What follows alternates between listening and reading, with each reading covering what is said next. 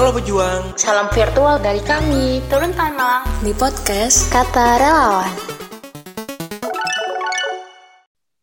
Halo pejuang, kenalin nama aku Upi dari divisi PPG di Turun Tangan Malang.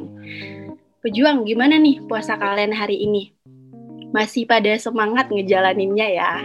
Aku harap demikian. Aku mau ngajakin kalian benah-benah lemari hari ini nih. Sekarang banget. Hayo ayo bangun dari godaan kasur. Coba telusuri berapa pasang pakaian yang kalian punya. 30, 50 pasang, lebih dari 50 pasang. Oh my god, sekarang coba deh pilah-pilah lagi pakaian yang kalian paling sering pakai. Yang bawahannya itu-itu aja, yang atasannya itu-itu aja. Sekarang pisahin pakaian yang masih dalam kondisi bagus, tapi kalian juga jarang make. Istilahnya setahun bisa dihitung pakai jari berapa kali nih pejuang nongkrong pakai ini baju atau berapa kali baju pejuang gak pernah kepake gara-gara gak diundang ke nikahan orang.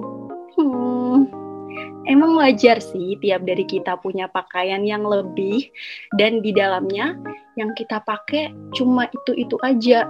Kasusnya kayak gimana cewek-cewek punya banyak banget jilbab warna-warni tapi ujung-ujungnya yang kepake ya jilbab hitam juga.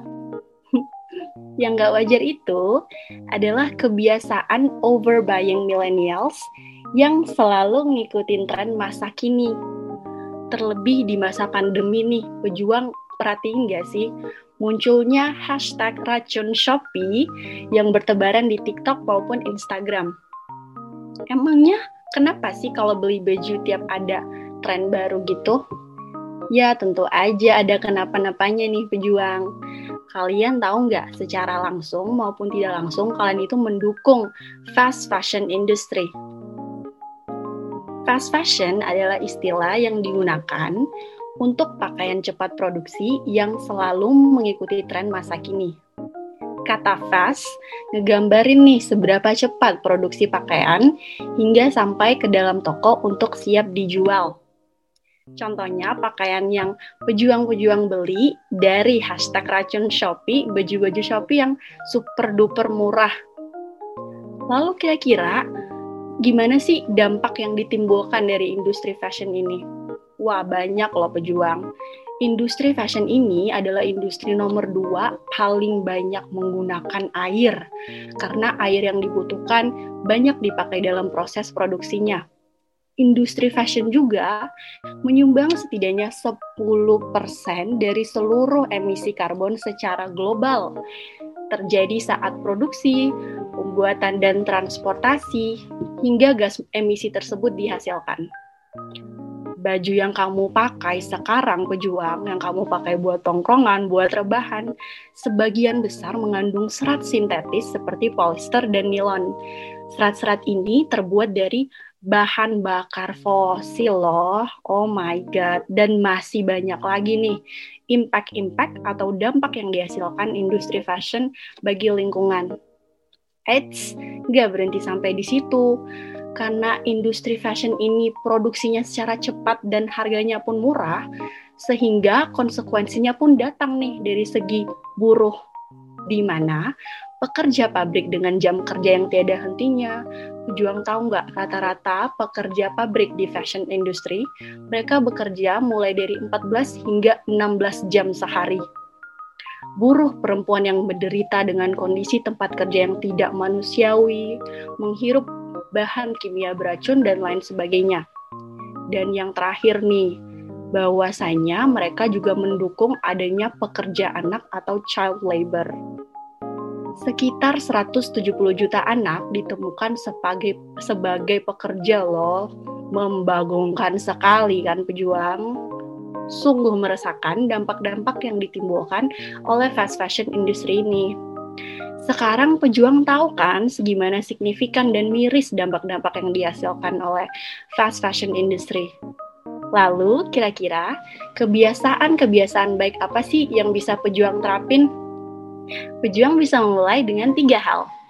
Pertama, sebelum membeli, pikir dulu nih, kira-kira pejuang benar-benar membutuhkan pakaian ini ataukah hanya sekedar menginginkan semata biar kelihatan trendy nih? Apakah pejuang akan memakai pakaian ini lima tahun ke depan dan lain sebagainya? Yang kedua, usahakan untuk selalu membeli pakaian second atau thrift. Di Turun Tangan Malang sendiri, kami mencoba untuk berdaya dengan menjual pakaian-pakaian layak pakai dengan harga yang murce dengan harapan kami bisa memberikan akses berpakaian yang layak bagi mereka yang memang membutuhkan dengan biaya yang amat rendah. Kami di Turun Tangan Malang juga didorong untuk mendonasikan pakaian kami sendiri yang tentunya masih layak pakai. Jadi kalau pejuang di sini kiranya punya baju yang juga masih layak pakai, namun tidak termasuk dalam list pakaian tongkrongan tiap malam cek. Yuk donasiin ke Turun Tangan Malang. Opsi lainnya, pejuang juga bisa nih donasiin ke pantai asuhan atau kasihlah gratis ke teman pejuang kamu, Wak. Terakhir nih, personal tips dari aku. Pejuang bisa mulai searching soal capsule wardrobe yang pada intinya konsep ini ngasih tips gimana pejuang bisa punya lemari yang isinya pakaian-pakaian yang benar pejuang butuhin dan bakalan kepake di tiap acara-acara di bulan Ramadan ini, selain bersihkan hati, sucikan diri, nggak lupa juga bersihkan lemari pakaian kamu dari unsur ketidakterpakaian. Serta sucikan niat sebelum membeli ya. Yuk pejuang mulai jadi konsumer yang bertanggung jawab terhadap lingkungan dengan tidak membeli berlebihan dan hanya sesuai kebutuhan. Pejuang bukan, hadapi.